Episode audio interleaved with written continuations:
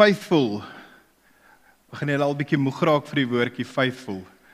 Of is julle het julle nog so bietjie en julle vir nog so 2 weke se faithful tema? Ehm um, soos vandag by die 5de deel en ek wil vir julle sê dat ek het 'n persoonlike belewenis met hierdie reeks die hele tyd met wat die Here besig is met my lewe te doen wat daar omtrent elke week wanneer daar 'n tema is, dan gebeur daar iets in hierdie week wat half challenging is en dan sit ek met die preek en dan partykeer is dit asof die Here die teks en die boodskap gebruik om te sê maar you can do it. Partykeer rap sy my so bietjie oor my vingers. Verstaan nou mooi liggies raps. Ehm um, dat dan sê sê maar kry bietjie fokus nou waaroor gaan dit? Ehm um, waaroor is jy bekommerd en in hierdie een ook weer het ek net 'n paar goed wat voor my lê in die volgende jaar en 2 jaar het die Here ook net vir my kom sê maar chill. Hou op stres. En dan gaan later gaan ons praat oor hoekom wat ek waar ek dit by die Here gehoor het, maar ons praat vandag 'n bietjie oor dissipline. Wie van julle hou van die woordjie dissipline? OK, is een persoon, ons nog twee daar agter.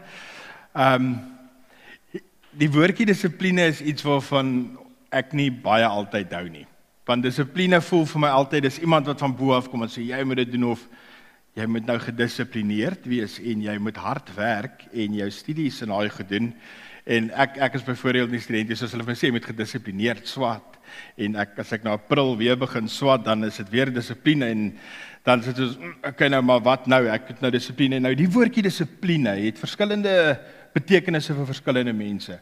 Party mense hoor die woord dissipline en dink hulle maar jy word gedissiplineer. Dit gaan nou daarna toe.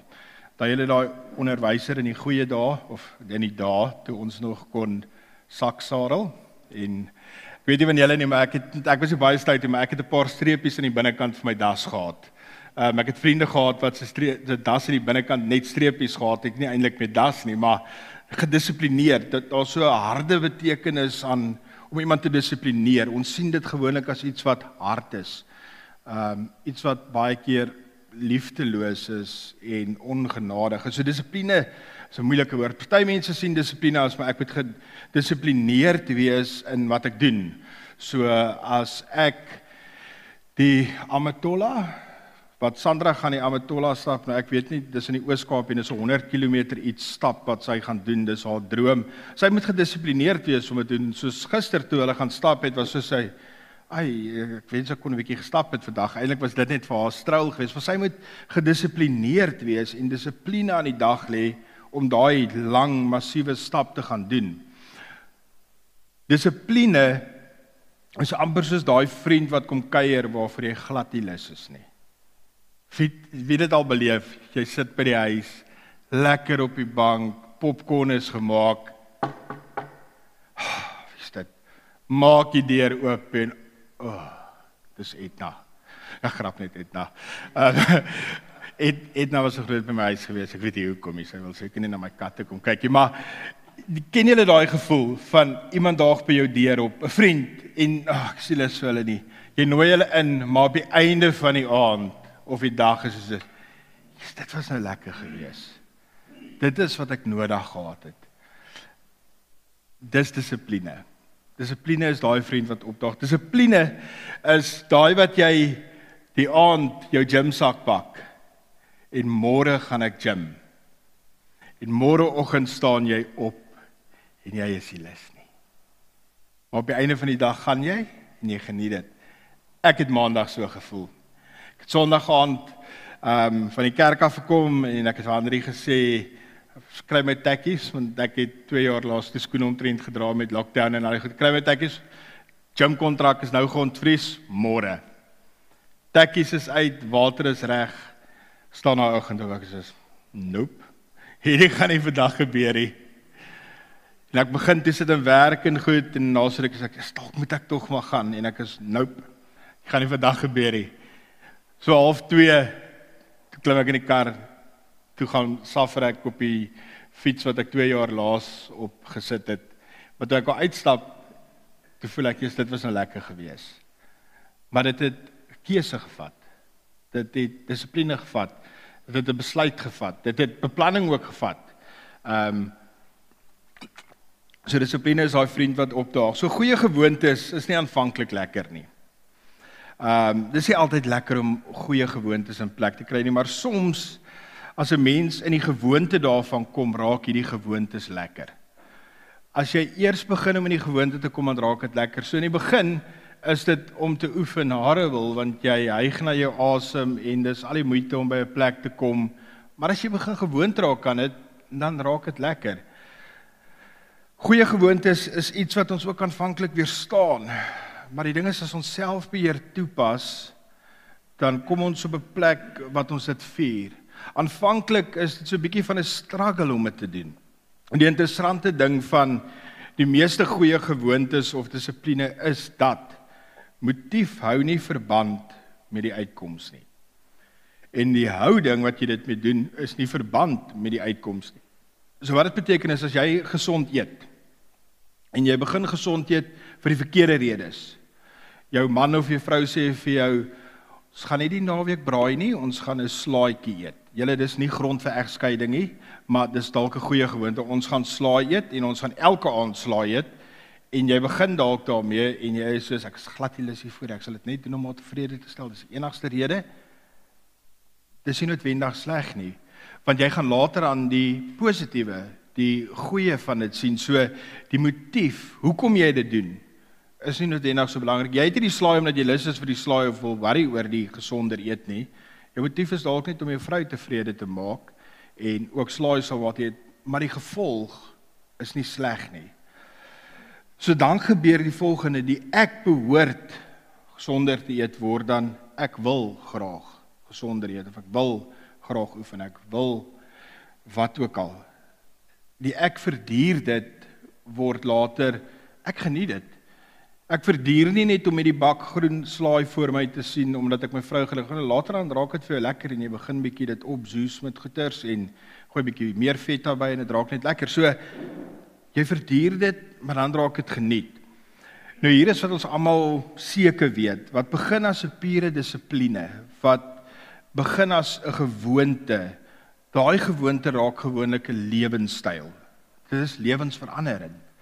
As jy eers iets begin doen wat jy die vrug van pluk wat goed is, dan raak dit vir jou lewenstyl want hoekom sal jy dit nie doen nie?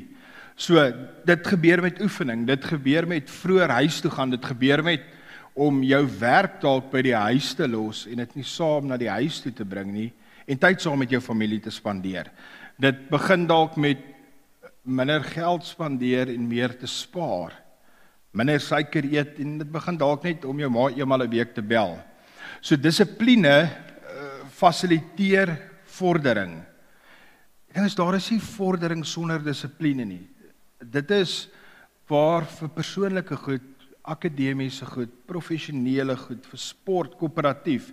Ek het nog nooit gehoor van 'n sportman wat die top plek in sy sport bereik het wat nie die woorde gebruik dit wat dit het dissipline gevat nie. Ek moes goed in plek sit en ek moes daarby hou, ek moes committed wees en commitment sluit aan by dissipline. Die ander ding van die woordjie dissipline is dit fasiliteer welvaart. Welvaart in die sin van dit laat jou verhoudings welvaart in hê. Jy beleef dalk finansiële welvaart. Nou let net wel, finansiële welvaart beteken nie 2 miljard in die bank nie. Dit beteken ek het geld om te kan eet. Ek het genoeg om van te leef. Beteken nie die bankbalans loop oor nie. Ehm um, want ons hoor baie keer ouens sê dit gaan goed met jou as ek net genoeg geld het. En dan die vraag altyd is hoeveel is genoeg? Dan sê die ouens gewoonlik net nog 'n bietjie so welvaart beteken nie absoluut ryk en jy kan enigiets doen nie fisies. Maar die ding is van dissipline is dit vereis uitgestelde bevrediging. Dis hoekom die wêreld vandag met dissipline soek. Want wanneer wil ons bevrediging hê? Nou. O, ek is skuldig daaraan. As ek iets by Tyke laat bestel, kyk ek of hulle dit in die Kaap het. Ek bestel dit die oggend sodat ek of my vrou dit die middag al kan optel. Ek wil dit nie môre eers hê nie. Jy wil dit nou hê. Maar dissipline vra uitgestelde bevrediging. Dit beteken dit wat ek nou doen, doen ek sodat môre dalk beter gaan wees. Dit wat ek nou doen, doen ek dat dit wat ek wil doen ek later wel kan doen. So dissipline is belangrik vir vandag. So ons is besig met hierdie reeks en ek wil vinnig recap. Ons is besig met vyf goed wat ons help om ons geloof te groei, wat ons help om vol geloof te leef. Die uitgangspunt agter die reeks bly die hele tyd ehm um, die agenda wat Jesus vir al sy volgelinge deur die eeue gehad het. Dit was dat hulle hom sal volg en dat hulle geken sal word aan groot aktiewe alles in geloof. Hierdie verstaan van alles in volheid verklaar die uitnodigings van Jesus wat sê volg my en glo in my. Ons het gesê volg my is Jesus se eerste uitnodiging. Dit vra iets van ons. Dit vra dat ons nie net kan sit nie want Ons het gepraat dat Jesus baie keer het hy eers vir mense gesê volg my voor hy vir hulle gevra het glo in my. So dit gaan ook nogal oor 'n kognitiewe ding. So wat sal ons doen as ons elke oggend opstaan met die 100% vertroue dat God is by my? Dit is wat dit beteken om vol geloof te leef. En ons het nou al oor drie goed gepraat wat ons help om Ekskuus om ons geloof te laat groei. Die eerste een was toepassing om dit wat die woord sê te begin doen. Net daar te sit en sê, "Ag, oh, dit is mooi, ek glo dit nie," want Jesus het nie gesê klap vir my hande en sê, "Well done," nie. hy het gesê, "Volg my." So ek vir jou sê, leef so, gaan doen dit. Gaan wees wie ek is. Ek los julle agter as die persone wat hierdie bediening, hierdie onderneming wat ek op aarde kom doen, dit sal vat. Die tweede een was persoonlike bediening. Ekskuus, het ons gesê dit is bietjie 'n moeilike een want o, ek kan nie, ek kan nie, ek kan nie. Moses het ook gesê ek kan nie. Maar persoonlike bediening het ons gesê dit gaan oor wat breek jou hart? Om te kyk waar die Here jou hart breek en dan te bring wat jy het om te kom doen wat jy kan en God te vertrou vir net wat hy kan doen. Dit ons praat oor versieningsverhouding van hierdie geloofsgemeenskap, van 'n geloofsgemeenskap waar ons moet inskakel waar voorsieningsverhoudings kan plaasvind. Dit is daai mense wat net partykeer in jou lewe inval en dan is jy soos hulle was op die regte tyd op die regte plek daar God moes hulle gestuur het. En ons het gesê dat as ons in hierdie gemeenskap is en hierdie verhoudings is met mekaar, dan is ons bekeer 'n omgewing waar hierdie voorsieningsverhoudings maklik kan gebeur. Dat is iets wat ek en jy kan begin nie, dis iets wat God outomaties laat doen. Maar ons moet ook onsself in die omgewing plaas waar dit kan gebeur. nou vandag is dissipline en dissipline is die woordjie. So vandag gesels ons oor privaat geestelike dissiplines. En dit is iets wat ek ek glo dat dit vir niemand van ons nuut vandag nie. En ek dink ons almal glo dit maar ek wonder partykeer doen ons almal dit. So vandag gesels ons oor die gelowige ou wie ons ken of vrou wat ons weet regtig vol geloof is en ons het hulle stories al gehoor en dan sal ou gereeld by daai mense hoor as hulle praat oor hulle geleef. As hulle goed sê vir die eerste keer toe ek die Bybel begin lees het. Toe ek die Bybel begin lees het. Toe ek begin bid het. Toe ek begin het om 'n bydrae tot die kerk te maak om 'n persentasiegewer te word. Ek sal nou net 'n bietjie meer daaroor sê en toe ek gereeld begin opdaag het saam by die samekoms van gelowiges of dit nou kerk of 'n selgroep is dit is van die woorde wat ons gereeld hoor. En soms begin dit met ek moet. Wie van julle wat vandag hier sit het nogal toe jy jonger was net kerk toe gaan omdat jou ma of pa gesê het jy moet gaan. Ek was daar, ek was oggend en aand daar. Ja, dit was taaf, maar ek het gegaan want ek moet gaan. Ehm um, maar julle sal onthou die wat verlede week op die boodskap gekyk het, sal onthou ek het gesê oor wat se voorsieningsverhoudings ek dankbaar is en my ma was een van hulle van sy my ma kerk toe gaan. Julle ek was tot Pinksterweek was ek elke aand in die kerk En ek het daai boeke wat voor in die kerk staan het oor en oor gekyk want ek was net nie lus om in die kerk te sit nie, maar ek was daar want sy het vir my gesê ek gaan gaan. Dit was 'n dissipline wat ek geleer het wat later 'n bevredigende uitkoms gehad het. So hierdie moed, hierdie word later 'n begeerte. Toe ek Jesus ontmoet, toe begin dit 'n begeerte raak om ander mense te leer ken wat Jesus ken en so het die moed begeerte geraak. Privaat geestelike dissiplines begin met 'n besluit wat geneem word. Ek dink ons leef in 'n wêreld wat ons die hele tyd hoor hoe mense voel. O, oh, ek voel offended. Ek voel nie lus hiervoor. Dissipline gaan baie keer nie oor 'n gevoel nie. Dit gaan altyd oor 'n besluit. So dit gebeur dat ons soms na die dissipline uitsien met vreugde. Ons sien uit na kerk toe, maar partykeer is dit aanvanklik net ek merk die checkbox hier af. Ehm um, op YouVersion sal jy sien ehm um, daar's leesplanne En ek is een van daai ouens wat hou van tik tik boksies in 'n sin. So as ek daai leesplan doen, ek wil daai tik skry. As ek 'n dag per ongeluk geskiep en dan sorg ek dat alles lees want ek wil daai tik tik tik en daai badge aan die einde hê. Ek hou van beloning. So dit is my so lekker. Maar partykeer begin dit as 'n checkboxie wat jy net afmerk. Dit begin partykeer uit 'n godsdienstige beginsel van doen dit, doen dat, moenie dit doen nie. Maar later dan, onthou julle motief is nie noodwendig die uitkoms, maar is dit die verbind aan mekaar nie. Dit begin baie keer dalk net as 'n verpligte gevoel. Maar baie keer verander die Here dit omdat jy gedissiplineerd is, begin jy agterkom ek as ek vanoggend opstaan, wil ek graag eerste YouVersion oopmaak voor ek Facebook oopmaak. Van die dissipline het 'n lekker geraak. Dit het 'n gewoonte geraak wat vir jou vreugde gee. Ons glo in 'n persoonlike verhouding met Jesus Christus. en dit is iets baie belangrik om te leer. Hierdie persoonlike verhouding het 'n persoonlike intieme kant en ons moet elke dag in daai verhouding staan. Ons moet hierdie gevoel van aanspreeklikheid teenoor ons hemelse Vader beleef. Ons moet dit aanvaar dat ons het 'n verantwoordelikheid om die oggend tyd by ons Pa te spandeer. Nou dit is nie 'n leerstelling hierdie nie. Dit is nie 'n geloofstelsel nie. Dis nie 'n etiket of 'n kerk nie. Hierdie dissipline gaan oor die uitnodiging wat Jesus gestel het om te sê volg my. Dit is persoonlik. Hierdie uitnodiging is persoonlik. Dit is daagliks. Dis nie 'n uitnodiging wat jy sê volg my op 'n Sondag nie. Dis volg my elke dag van jou lewe. Dit sluit alles in. Dit is laat u wil geskied net hier en nou in my lewe. Dit is intiem. Dit is persoonlik. En in 'n wêreld wat ons baie keer die ek as belangriker maak as God, is hierdie ampere boodskap vir die wêreld om te sê hierdie is ek.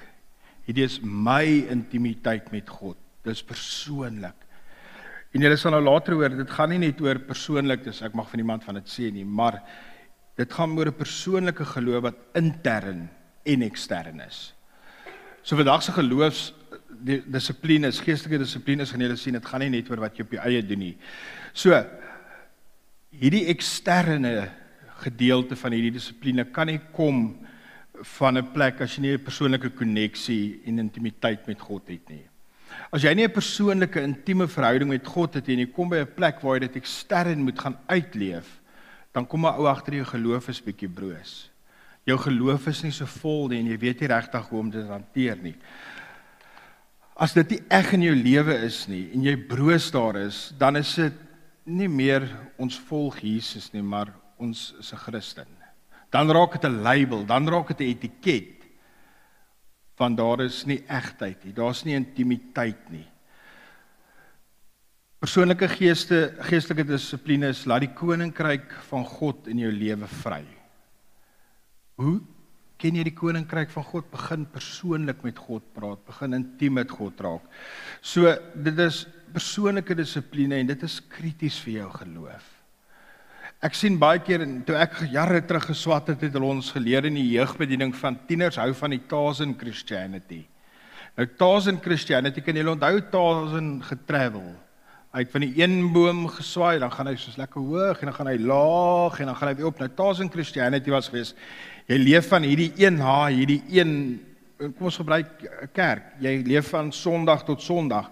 Ooh, Sondag Jesus, ooh, lekker en dan wow, dis ie lekker hier. En dan begin jy sien Sondag kom weer dan so, ooh, Jesus en verstaan nie wat ek bedoel. Dis 'n persoonlikie.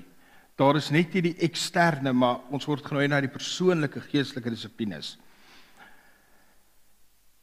Die vraag wat jy jouself moet vra is die volgende: Is Jesus die Here van jou lewe of is hy net iets waarin jy glo? Want as Jesus net iets is waarin jy glo, dan is die persoonlike goed nie belangrik nie. Dan is dit vir jou okay om die label te dra. Um Kan ek kan 'n springbok trui gaan koop. Maak dit my 'n springbok. Jy kan jouself 'n Christen noem, maar dit maak jou nie 'n volgeling van Jesus nie. Want daar's nie 'n persoonlike koneksie nie. Dis waar jy in Jesus jou nooi. Wanneer ons van persoonlike geestelike dissiplines praat, praat ons oor drie goed gehou vandag. Ons praat oor die eerste een daaglikse stilte tyd. Ehm um, ja. Die volgende een is persentasie gee van jou geld. Mm. Gesamentlike aanbidding of korporatiewe aanbidding. 'n Daaglikse stilte tyd. Dis 'n moeilike een. Ek kom nie elke dag daarby uit om te gaan sit in stilte tyd te hou nie, want partykeer spring jy in die oggend op en jy begin werk en jy gaan aan en aan die einde van die dag is jy moes dalk vandag Bybel gelees het al. Wie van julle kry dit ook nie? Ek gaan nie vra wie kry dit elke dag reg want dit gaan ek nog slegter voel daaroor. Maar ek wil nie sleg voel oor, maar partykeer gebeur dit dat jy dag net so uitwerk dat jy nie by die uit kom nie, maar persoonlike daaglikse stilte tyd Die ding is daar is iets wat gebeur as jy met die Bybel gaan sit en jy lees dit en jy ervaar dat die Here met jou praat. Daar's iets wat gebeur as jy met die Bybel gaan sit en jy lees 'n teks en jy sê maar ek verstaan hierdie en ewe skielik breek die Heilige Gees vir jou dit oop. Ek het 'n strand so gelag. Dis dalk nie vir julle snaaks maar ek ek kyk 'n klomp video's van 'n klomp goed oor teologie en Bybelkennis en en die een ou praat met mense en hy sê as jy nie God se stem hoor nie lees jou Bybel. As jy God se stem hard wil hoor, duidelik wil hoor en fisies wil hoor, lees die Bybel hardop. Vang julle dit? As jy dit God se stem fisies wil hoor, lees die Bybel hardop. Daar's iets wat gebeur as jy in God se woord ingaan en jy soos maar oh, ek het nooit so daaroor gedink nie. Daar's iets wat gebeur as jy Jesus volg en jy lees die woord en jy besef maar hierdie implikasie, hierdie toepassing van dit wat ek hier lees kan my lewe verander. Dit kan dalk die wêreld verander. So daar's iets wat gebeur. En, en ek wil jou aanmoedig om te begin net deur een evangelie te vat en dit te gaan lees. Gaan lees die storie van Jesus. Gaan lees dit van die begin tot die einde en gaan vra vir die hemelse Vader, Here, wat moet ek uit leer? Jy gaan sien dit gaan jou aanspoor. Dit gaan jou partykeer waarsku om weg te bly van sekere goed. Dit gaan jou herinner aan die beloftes wat daar in God is wat waar geword het deur Jesus. En dit gaan jou die versekering gee dat omdat ek 'n verhouding met Jesus het, het ek 'n pad tot die Vader. In Matteus 6 vers 6 leer Jesus vir sy disippels hoe om te bid. En dan begin hy in vers 6 en sê: "Nee, as jy bid, gaan na jou kamer toe. Maak die deur toe en bid tot jou Vader wat jy nie kan sien nie. Jou Vader wat sien wat verborge is, sal jou beloon." Jesus sê ons moet tyd eenkant sit. Jesus sê ons moet tyd vat en fokus op God. Jesus sê gaan na jou kamer toe. Van die vertaling sê gaan na jou binnekamer toe. Dit beteken amper die stilste plek in jou huis. Daar waar daar soveel mure is dat jy nie die geraas van buite kan hoor nie. Dit beteken jy moet dalk nie die Bybel op jou selfoon lees nie, maar op daai een wat op papier geprint is. Dat alle klanke wat van buite af jou kan pla, jou nie kan pla nie. So Jesus sê gaan na 'n stil plek toe gaan sit eenkant, gaan praat met God, fokus op God. Maar die ding is as ons by God gaan sit, glo dit as jy wil. Maar in hierdie biljoen mens wêreld, ek weet jy is ons is iets in die 6.9 biljoen het ek laas gehoor. As jy by God gaan sit in die binnekamer en vir hom die tyd gee, dan gee hy vir jou sy onverdeelde aandag. Wanneer jy by hom gaan sit en jy die antwoorde op jou vrae gaan soek, gaan hy met jou praat. Maar jy moet een kant gaan. Jy moet gaan stil word. Jy moet by hom gaan sit. Die wonderlike ding van Jesus is as hy vir ons sê volg hom, vra hy nie van ons om goed te doen wat hy nie self gedoen het nie. En Jesus het dit ook gedoen. Lukas 5 vers 15 tot 16. Tog het die nuus oor hom nog verder versprei en groot menigtes het saamgedrom om na hom te luister en van hulle siektes genees te word. Maar hy het hom altyd weer in eensame plekke afgesonder om daar te bid. Jesus was 'n besige man gewees. As julle nou die hele reeks volg en van die begin van die jaar sal julle hoor ons het gepraat van hoe die menigtes om gevolg het en toe hy vir hulle visse en brood vermenigvuldig, hoe hy net weghou kom op die skip en nou breek die storm uit, maar sy disippels wil hy moet hulle red. Jesus was 'n besige man gewees. Hy was 'n aanvraag gewees. Die mense wou tyd saam ons spandeer. Maar ten spyte van dit, ten spyte van die feit hoe hy weet hoe belangrik sy werk is en die aanvraag wat op hom is, het hy tyd gevat om hom af te sonder. Jesus het by die Vader gaan sit en hy het nie gesê, oh, "Ek kan nie nou nie, want ek is so belangrik nie. Die mense het my nodig nie." Hy het besef dit wat ek in elk geval doen, kom vanuit die bron van God uit. So dit gaan nie oor my nie, dit gaan oor my Vader. Dis hy wat dit doen. En partykeer is ons so besig en ons gaan in die volgende reeks van ons bietjie oor dit gesels van om spasie te vat, om tyd te vat vir jouself, jou gesin, jou familie vir God. Is baie keer nie 'n tydding nie. Dis 'n geloofsding. En God vra vir ons, skuif hierdie besige goed van jou pad want I've got this. Ons spandeer tyd by my. So hy gaan sit by sy vader en die stek sê hy het altyd weer hy het altyd weer hy het dit nie eenmal 'n maand gedoen nie altyd weer sê vir my hy het dit gereeld gedoen Markus 1 vroeg die môre toe dit nog nag was het hy opgestaan en buitentoe te gaan na 'n eensame plek en daar gebid Simon en die wat by hom was het hom egter gesoek En toe hulle hom kry, sê hy vir sê hulle vir hom, almal soekie. Nou die disippels word wakker. Hulle staan op, hulle begin ontbyt maak. Hulle dink hulle gaan Jesus 'n bietjie laat in lê. En toe die eiers en die goed nou reg is, toe gaan hulle en hulle gaan soek vir Jesus en Jesus is gone. En hulle begin hom soek en toe hulle hom kry, toe sê hulle vir hom, Jesus, almal soekie. Hulle het opgestaan en breakfast begin maak. Ek weet nie of dit maar ek dink hulle het dalk want hulle is mans en mans is honger as hulle opstaan.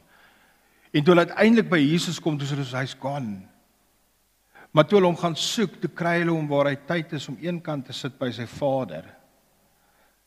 Jesus het die eerste minute van die dag so belangrik geag om tyd by sy Vader te spandeer dat dit is hoe hy sy dag begin het. Om die dag te begin saam met God, hou jy 'n bietjie verantwoordbaar. Dit hou jou verantwoordbaar om te besef God het 'n plan vir my. En ek moet God se roeping leef. Dit lig jou gewete dat jy besef God is in beheer. Dit is tyd wat jy jou gedagtes 'n bietjie kan verfyn. Tyd wat jy kan gaan dink en besef maar vandag kies ek om my vrede by God te begin by wie ek my dag begin het. Vandag kies ek om te hoor by God wat pla hom in my lewe en in die wêreld se lewe en om aktief daarin te werk. 'n Ongeligte gewete wat nie fyn gestel is op die dinge van God nie, skep brose geloof. Nou die tweede persoonlike dissipline is ehm um, is nogal 'n moeilike een. Maar ek wil vir julle in die begin sê voor ek vir julle sê wat dit is en julle net gehoor het, dis dis nie 'n gelding hierdie nie. Hierdie is 'n geloofsding. Ek hou nie baie daarvan om te praat nie, maar die tweede ding wat 'n persoonlike geestelike dissipline is is om 'n persentasie van jou geld te gee. Dit is regtig vir my ongemaklik en ek hou nie daarvan om oor geld te praat nie. Die ding in die kerk is kerke praat of te veel oor geld of kerke praat te min oor geld. Kerke kan eintlik nie wen nie want as hulle oor geld praat dan dink jy mense hulle wil net geld hê. Maar hierdie is nie 'n gelding nie. Hierdie is 'n geloofsding. Ek hou nie daarvan om oor dit te praat nie, maar ek praat daaroor want dit is vir God belangrik. Want dit sê iets van jou geloof. Hierdie persoonlike dissipline vra dat jy 'n gedeelte van jou inkomste moet belê in die gemeenskap en in die wêreld waar God dit wil gebruik. So waar wil God hê moet jy jou geld belê? Dit dit gaan meer as net oor om geld te gee. Hierdie van gee uit jou beursie uit gaan oor jou prioriteite. Dit gaan oor het jy vol vertroue in God? Het jy geloof in God dat dit wat hy vir jou gee en voorsien genoeg is om nie net in jouself te belê nie, maar ook in sy gemeenskap te belê. Matteus 6 vers 31, ek dink ons almal het dit al gehoor en ons hoor dit baie keer as ons oor geld praat, maar ek wil dit vir julle lees. Julle moet julle dus nie bekommer en vra wat moet ons eet of wat moet ons drink of wat moet ons aantrek nie. Dit is alles dinge waaroor die ongelowiges begaan is. Julle hemelse Vader weet tog dat julle dit alles nodig het. Nee, beywer julle allereers vir die koninkryk van God en vir die wil van God. En dan sal hy julle ook al hierdie dinge gee. As ons dit in ons tyd moet vertolk, sal dit dalk sou dalk gestaan het Hoe gaan ek my kinders deur universiteit kry eendag? Hoe gaan ek dit regkry as ek kinders het om hulle hierdie skool te sit? Nog nie eers te praat van universiteit nie, want dit is baie geld. Hoe gaan ek ooit my aftrede kan bekostig? Ek sit baie keer met hierdie ding persoonlik want jy hoor die goeie besigheid mense sê maak voorsiening en al daai goeders en aan die ander kant hoor ek God sê vir my moenie eintlik daaroor worry nie. Nou ek dink ook nie God het ons dom gemaak nie, so dit beteken nie ons kan net doen wat ons wil nie. Maar waar lê jou prioriteit? Lê jou prioriteit in al die oorseese vakansie eendag as jy nie meer werk nie of lê jou prioriteit in God se koninkryk? En hierdie is 'n diep persoonlike ding en ek dink party mense hou nie daarvan om dit te hoor nie, want ek werk tog hard vir my geld. Baie dis vir God belangrik. So aan en is uh wat gaan ek doen as ek my werk moet verloor of as ek nie werk het nie? Hoe gaan ek kan uitkom? So Jesus sê moenie bekommerd wees nie. Dan sê hy ook in die teks dit is waaroor die ongelowiges bekommerd is. So hy sê vir hulle moenie soos die ongelowiges sê wees vol geloof. Groei jou geloof. Dit is hoekom gee geloofsaak is. Want om te gee gaan oor om te glo. Glo jy in Jesus? Glo jy regtig in Jesus? As jy sê jy glo regtig in Jesus, dan is hierdie basies Jesus wat vir jou sê, Put your money where your mouth is. Put your money where your mouth is. As jy regtig my glo, as jy regtig my vertrou vir môre en oormôre en jou toekoms, dan gaan jy bereid wees om te gee as ek van jou vra. En hoor mooi hierdie woorde, as God van jou vra. Nie omdat 'n kerk of 'n ou van 'n charity vir jou vra nie. Vra God vir jou om te gee. Wat vra God jou om te gee? Soek eers die koninkryk van God, soek sy wil en dan sal al hierdie goeders kom. Alles sal vir jou gegee word. So Jesus sê soek God se koninkryk, dan gaan dit goed kom. Weereens, hierdie is nie 'n welvaartsteologie nie. Hierdie is nie as jy gee, gaan die Here vir jou meer gee as wat jy nodig het nie. Gee sonder om te verwag en God gaan vir jou gee wat jy nodig het. Om te gee oefen jou geloof want dit sluit in om te laat gaan van dit waarin ons die meeste vertrou. Gee maak ons los van dit waarin ons die meeste vertrou. En dit waarin ons die meeste vertrou is baie keer ons bankbalans, ons werk en wat gaan ons eendag vir onsself kan doen in plaas van wat God vir ons kan doen. Om te gee van jou geld is een van die mees tasbaarste maniere om jou afhanklikheid aan God te bewys want geld is waardevol. En as ou dit in jou beursie voel, dan besef jy waar jy jou geloof plaas. Dit is 'n saak van geloof en dit gaan oor gehoorsaam wees. Julle by Granendal gaan ons nooit vir jou sê jy moet 10% gee nie of jy moet 5% gee nie. Al wat ons jou die hele tyd wil uitdaag en of jy nou deel van ons gemeente bly of dalk net kuier hier nog vir 'n ruk en dalk 'n ander plek gaan kry waar die Here jou plaas, hoor by hom wat jy moet gee. As die Here vir jou sê gee 2%, dan gee jy 2% met blymoedigheid want jy's gehoorsaam aan God. As hy vir jou sê 5%, dan gee jy 5%. As hy sê 10%, gee jy 10%. As hy 20% wil gee, gee 20%. Want dis wat God van jou vra. En dis hoekom ons ook met vrymoedigheid nie offergawe op 'n Sondag opneem nie. Wat ons vertrou en hierdie bou ons geloof toe ek einde van Februarie sit dink ek wonder ek moet Johan laat vra hoe het ons inkomste hierdie maand gelyk. Het ons daar gekyk dis net soos ons het die, ons het begin worry hieroor maar ons het eintlik ge worry hieroor en wow God het net weer voorsien. Dis 'n tasbare manier van om God te wys jy glo. En dan die laaste een is gesamentlike aanbidding. En nou gesamentlike aanbidding is dit wat ons vanoggend hier doen. As Chris en die band hier voor staan en ons sing saam. Um baie mense sê partykeer, oh, ek hou nie van die sing nie. Dit is vir my lekker om te worship, om te staan en goed nie. Um en dan gewoonlik my eerste ding wat ek vir hulle sê is jy besef die sing gaan glad nie oor jou nie. As ons by die kerk sing, sing ons nie om dit vir jou lekker te maak nie. Ons sing om dit vir God lekker te maak want hy vra ons om saam te kom en om te kom aanbid. Dis hoekom ons geskep is. Maar is dit lekker om saam te sing? Oh yes. Ek love dit. As jy dit nie love nie, dan moet jy dit leer om te love want ons gaan baie sing nog hierso. Ek sien nog uit na worship onder wat ons eendag gaan hou.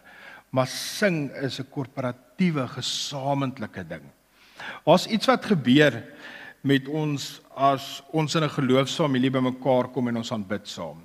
Was iets wat met ons gebeur as ons hier saam is wat nie met my gebeur as ek op my eie na worship musiek luister en op my eie tydens my stilte tyd dalk sing of as ek net werk en die worship speel en ek sit sommer en sing terwyl ek werk, maar daar's iets wat gebeur wat jy net hier kan ervaar in hierdie gemeenskap van gelowiges as jy saam aanbid. Die ding is is persoonlike dissiplines maar die persoonlike dissipline van om korporatief om gesamentlik met ander mense te kon bid. Jy moet die dissipline in jouself hê om te kom, om hier uit te kom. Jy kom beleef iets wat jy nie op jou eie kan beleef nie. Daar gebeur iets in 'n mens se hart as jy dalk op 'n horrible plek in jou lewe is en jy's nie lus vir die worship. By my sien daar aan die een kant staan iemand dalk met sy hande in die lug. En die Here gebruik dit om met jou te praat. Jy sien dalk iemand staan in aanbidding en daar loop 'n traan oor hulle wang en die Here maak iets in jou wakker. Jy sien dalk iemand se koneksie met die Here en jy begin werk om ook daai koneksie met die Here te hê. Daar's iets wat gebeur as ek julle stemme hoor en ons sing ons is almal hier te saam vergader in sy naam. Ons iets wat met ons gedagtes gebeur. 'n Fokus na bo, 'n fokus na God. Daar's iets wat net kan gebeur as ons saam is. Dit is lekker om alleen by die Here tyd te spandeer en is nodig want Jesus het dit ook gedoen, maar daar's iets wat gebeur as die liggaam van Christus bymekaar kom. Matteus 18 vers 20 sê, want waar twee of drie in my naam saam is, daar is ek by julle. Ek wil nie maak of ek presies weet wat daai teks beteken nie, want ek wonder nou baie keer al gewonder, maar as dit twee of drie is en ek is alleen, is hy dan nie daar nie dink nie dis wat Jesus probeer sê nie. Wat hy probeer sê is daar gebeur iets as jy saam is. Ding is wat twee of meer is, is al meer opinies. Daar's meer mense wat voorsieningsverhoudings vir mekaar kan wees. Dink nie Jesus sê daar maar as jy nie saam met mense is gaan jy my nie kan beleef. Jesus, jy gaan, maar jy gaan dit soveel meer geniet saam met ander mense wil die voorbeeld wyd gaan vat. Maar kan julle onthou in die middel van Covid toe daar niemand in sportstadions was nie, hoe boring rugby gelyk het met niemand wat staan en skree en te kere gaan nie. Dit was nie lekker nie. Dit was weird geweest. Maar dit is lekkerder nou dat daar weer mense is en dieselfde met ons geestelike groei. Dis lekkerder saam met ander mense. Dis lekker op ons eie en dis intiem, maar die eksterne deel van saam ander gelowiges maak dit amazing. Dan kom ons by eh, Paulus wat dit ook weer vir ons sê en dis die laaste stukkie. Jesus is julle is die liggaam van Christus en afsonderlik is elkeen hulle daarvan. Dingens daar is 'n aspek van Christendom van Jesus volg wat ons nie alleen kan ervaar nie. Ons is deel van hierdie gemeenskap en ons moet kies om deel te neem aan hierdie gesamentlike aanbidding. Ons kan God saam aanbid. Alles is nie vir ons lekker nie, maar dit kan vir ons lekker raak. Terwyl in die begin het ek gesê die motief is nie noodwendig verbind aan die uitkoms nie. Alles is nie vir jou lekker om te sing in die begin nie. As jy sing en dit raak 'n gewoonte want jy dissipline om God te loof, dan raak daai gewoonte of die ek moet of die checkboxie later ek wil en ek gaan dit geniet. God is besig met iets groter en dit sluit vir my en jou in. En God nooi ons daarna en hy vra dat ons moet groei vanuit 'n persoonlike geestelike verhouding met hom sodat ons ook vir hierdie gemeenskap iets kan beteken. Ek wil jou uitdaag met ehm, 'n um, 30 dae challenge. Ehm um, en die eerste een is wat ek julle wil uitdaag is om die eerste minute van jou dag vir God te gee vir 30 dae. En dit begin vandag, wat vandag se datum is 6, so dis tot 6 April. Wil jou uitdaag die eerste minute van jou dag gee dit vir God. In plaas van Facebook of Instagram of News24 oop te maak, maak jou Bybel oop. Die eerste minute van jou dag. Die tweede een is om die eerste rande van jou inkomste te gee. Wat die Here vir jou sê. As dit R2 is, is dit R2. 'n miljoen is, great, maar R2 is ook goed vir die Here, maar wees gehoorsaam. En die laaste een is om een dag van jou week te gee. So die eerste minute die eerste rande van jou inkomste en een dag van die week. Die ding is besluit vooraf. Raak betrokke. Raak daagliks betrokke by jou geestelike lewe en spandeer tyd by God. Besluit vooraf wat jy gaan gee. Werk dit in jou budget en moenie aan die einde van die maand kyk ek sal sien wat oor is en dan gee nie. Besluit, Here, U vra vir my dit. Ek sit dit in my budget. Ek vertrou U daarvoor. Nie alleen is raak deel van die korporatiewe goeders, die gesamentlike geestelike goed. En dit sluit in 'n gemeentebraai, 'n gemeentekuier. Want partykeer om die kampvuur of 'n braaivleisvuur, ek weet ons mans praat party die diepste goed daar, so 'n deel geloofsgoed met mekaar. So braai saam, spandeer tyd saam met jou geloofsfamilie. Spandeer tyd saam in aanbidding saam met jou geloofsfamilie. Dis my uitdaging 30 dae. Mag jy dan in hierdie 30 dae beleef hoe jou moeds jou ek behoorte na ek wil verander en ek geniet dit weg van ek doen dit net omdat ek moet ons bid saam Here Jesus u wil graag 'n intieme verhouding met elkeen van ons Here Here baie keer dink ons dat u is nie naby nie Here maar dan dink ek weer dis omdat ons nie naby aan u is nie Here dat ons dalk ons rug op die draai of ons harte dalk koud maak, Here, maar ek wil vra Here dat U in die volgende 30 dae vir elkeen van ons sal uitdaag elke oggend met daai eerste paar minute van die dag. Om as die son opkom en ons maak ons oë oop, Here, dat U aan ons deur sal klop en sê, "Hallo, ek is hier." Here, as ons dink oor ons finansies, as ons dink oor ons toekoms, as ons dink waarin ons waardes sit, Here, mag ons prioriteit in ons waardes verander na u koninkryk, die gemeenskap waarin ons bly, die geloofsfamilie waarvan ons deel is en gee wat u van ons vra, Here. Here, as ons die oggend nie lus is nie om saam met die geloofsfamilie bymekaar te kom, Here, mag u ons herinner dat ons net iets kan beleef Ons net iets wat ons beleef as ons saam is wat ons nie op ons eie kan beleef nie, Here. Wees met ons die res van hierdie dag, Here, mag U verheerlik word deur ons koffie drink hierna, deur ons tyd saam met ons families. Mag ons met vol geloof in hierdie lewe wêreld instap, Here, en mense inspireer en mense na U wys. Ons bid dit in Jesus se naam alleen. Amen.